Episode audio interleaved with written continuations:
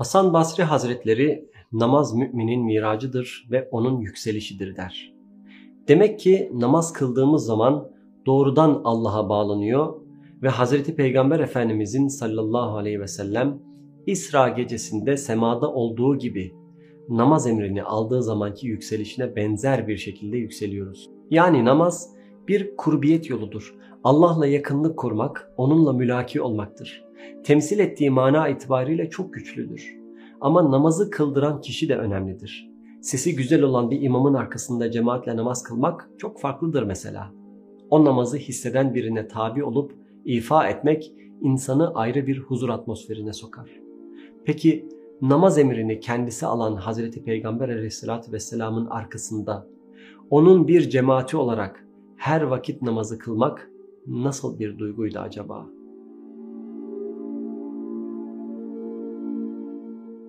Efendimiz Aleyhisselatü Vesselam namaz kıldırmak için mescide girer ve Kur'an'ı kendine has, özgün bir şekilde tilavet ederdi.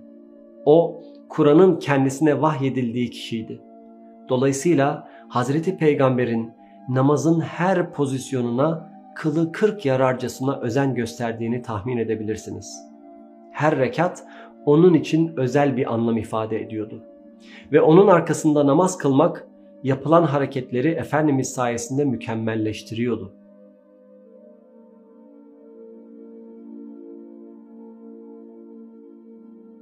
Peki onun Kur'an kıraati nasıldı? Öncelikle Peygamber Efendimiz Aleyhisselatü Vesselam'ın çok güzel ve özel bir sesi vardı. Katade Rahimehullah'ın her peygamberin güzel bir yüzü ve güzel bir sesi olduğunu söylediğini hatırlayalım. Ve Efendimiz hakkında denilen kâne yakta'u kıraatuhu yani okuyacağı zaman ayetler arasında duraklar kıraatini açık ve net bir şekilde yapardı. Nasıl ki günlük hayatta açık ve net bir dille dudaklarından dökülen sözcükleri sayabileceğiniz şekilde konuşurdu. Öyle de Kur'an okuyuşu, namaz kıldırışı da tane tane, yavaş ve ayetler ayrı ayrı okunurdu. Ayrıca sesinin güzel doğal bir melodisi vardı. Sesinin çok yüksek olmadığı ifade ediliyor. Fakat eğer evinin yanından geçiyorsanız yahut yakınlarında namaz kılıyorsanız Efendimiz Aleyhisselatü Vesselam'ın tilavetini duyabilirdiniz. Efendimiz Kur'an okurken sık sık duygulanırdı ve onun Kur'an okurken kendine has bir ağlayışı vardı. Onun ağlayışı sanki göğsünden bir hırıltı, kaynayan bir kazanın uğultusu geliyormuş gibi anlatılırdı.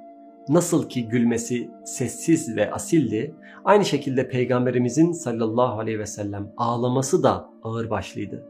Çok sesli değildi ama çok içtendi ve göğsünün derinliklerinden geldiği belliydi. Ve gözleri bol bol gözyaşı dökerdi.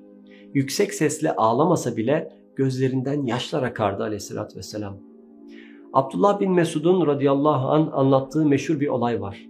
Bir gün Efendimiz sallallahu aleyhi ve sellem ona Kur'an okumasını söyler. Hazreti Abdullah, Ya Resulallah Kur'an sana indirildiği halde benim sana okumamı mı istiyorsun deyince Efendimiz başkasından Kur'an dinlemeyi seviyorum diye cevap verir.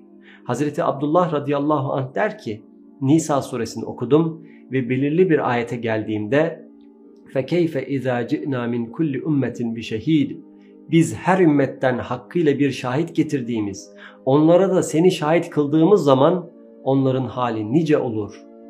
Ben tam bu ayeti okuduğumda peygamber elini dizime koydu ve hasbuk dedi yeter. Başımı kaldırıp baktım ve peygamberimizin aleyhissalatü vesselam gözlerinin musluk gibi gözyaşı döktüğünü gördüm. Gözyaşları akıyordu ama Abdullah bin Mesud radıyallahu an onu fark etmemişti. Çünkü Peygamber Efendimiz Aleyhisselatü Vesselam yüksek sesle ağlamazdı. Daha önce bahsettiğimiz gibi onun ağlaması gözlerinin hep nemli kalmasına neden olan kalbinden gelen derin ve içten bir ağlamaydı. Efendimiz elbette namazlarında Cenab-ı Allah'la irtibata geçerdi.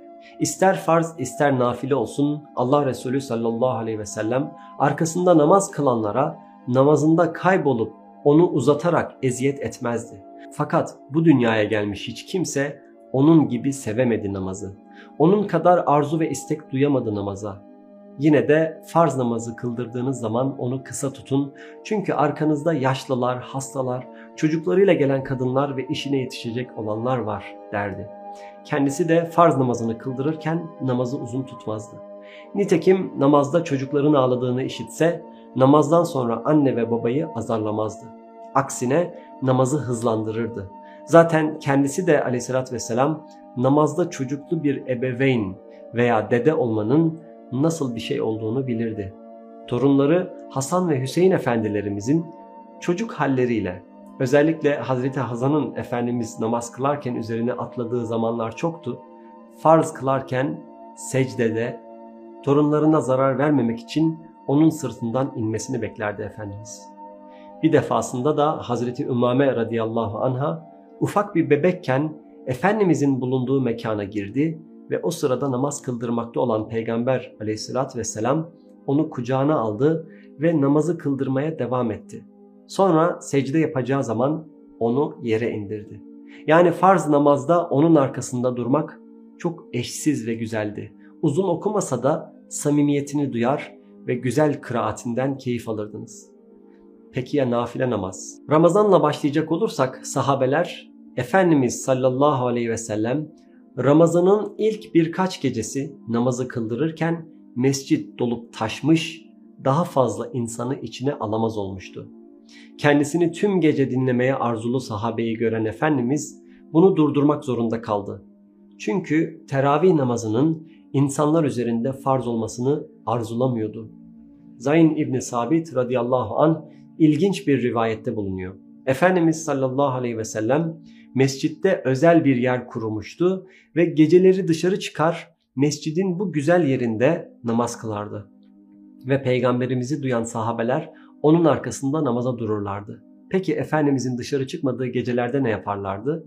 Zayn bin Sabit sahabenin öksürdüğünü, kapısının yanından geçtiklerini, seslerini biraz yükselttiklerini ifade ederdi. Hatta Peygamber Efendimizin aleyhissalatü vesselam seslerini işiteceğini, dışarı çıkacağını ve onlara namazda öncülük edeceğini umarak kapısına birkaç taş attıkları da olurdu. Sonunda bir gece Efendimiz evinden üzgün bir şekilde çıktı ve şöyle söyledi. Ey insanlar ne yaptığınızı fark ediyorum. Gürültü çıkarıyorsunuz. Kapımın önüne çakıl taşlarını savuşturuyorsunuz. Fakat ben korkuyorum. Allah'ın sizin üzerinize farz olmayan bu namazı yani teravih namazını size farz kılacağından korktuğum için dışarı çıkıp bu namaza devam etmedim. Namazlarınızı evlerinizde kılın. Zira insanın namazı farz namazları hariç evinde daha hayırlıdır dedi ve sahabeleri evlerine gönderdi. Efendimizin bir de kendi ibadetleri vardı. Cenab-ı Allah'la kendi arasındaki kulluğun timsali olan nafile namazları vardı. Eğer onun arkasında bu nafile namazlarda ona uyacak kadar talihli olsaydınız gerçekten pişman olabilirdiniz. İbni Mesud radıyallahu an ayetler henüz peygamberin sallallahu aleyhi ve sellem ağzında taptazeyken onları alıp öğrenen bir sahabedir.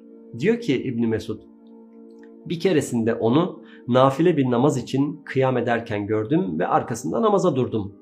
Vallahi bir ara namaz esnasında kötü bir şey yapmak istedim der. Ona ne yapmak istediğin kötü bir şey derken denilince Efendimiz'i namazın ortasında bırakıp mesela secdedeyken bırakıp kaçmayı düşündüm. Çünkü namaz çok uzundu, çok uzundu. Huzeyfe İbni Yaman radıyallahu an bir keresinde Efendimiz'i sallallahu aleyhi ve sellem namazda kıyamdayken yakaladım ve ona katılayım dedim. İlk rekatta Bakara suresini okumaya başladı. Yüzüncü ayette durur diye düşünmüştüm fakat devam etti. Sonra 200. ayette durur diye düşünmüştüm. Yine devam etti. Daha sonra Bakara bitince durur sandım fakat o bu sefer de Ali İmran suresine başladı. 100. ayette rüküye gider sandım ama devam etti. Aynı şekilde Ali İmran bitince devam etmez dedim ama Nisa suresine başladı.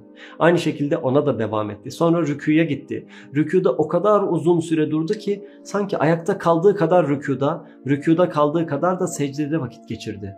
İkinci rekata kalktığında da Maide suresinden devam etti. Sonra En'am suresini okudu. Yani uzun surelerden okumaya devam etti. Ümmü Seleme radıyallahu anh'tan gelen bir rivayette Efendimiz sallallahu aleyhi ve sellem bir defasında Kur'an'daki en uzun yedi sureyi bir rekatta okudu demiştir.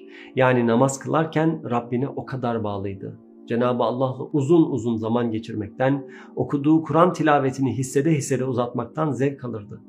İşte Efendimizin duymayı çok isteyeceğiniz tilaveti böyleydi aleyhissalatü vesselam.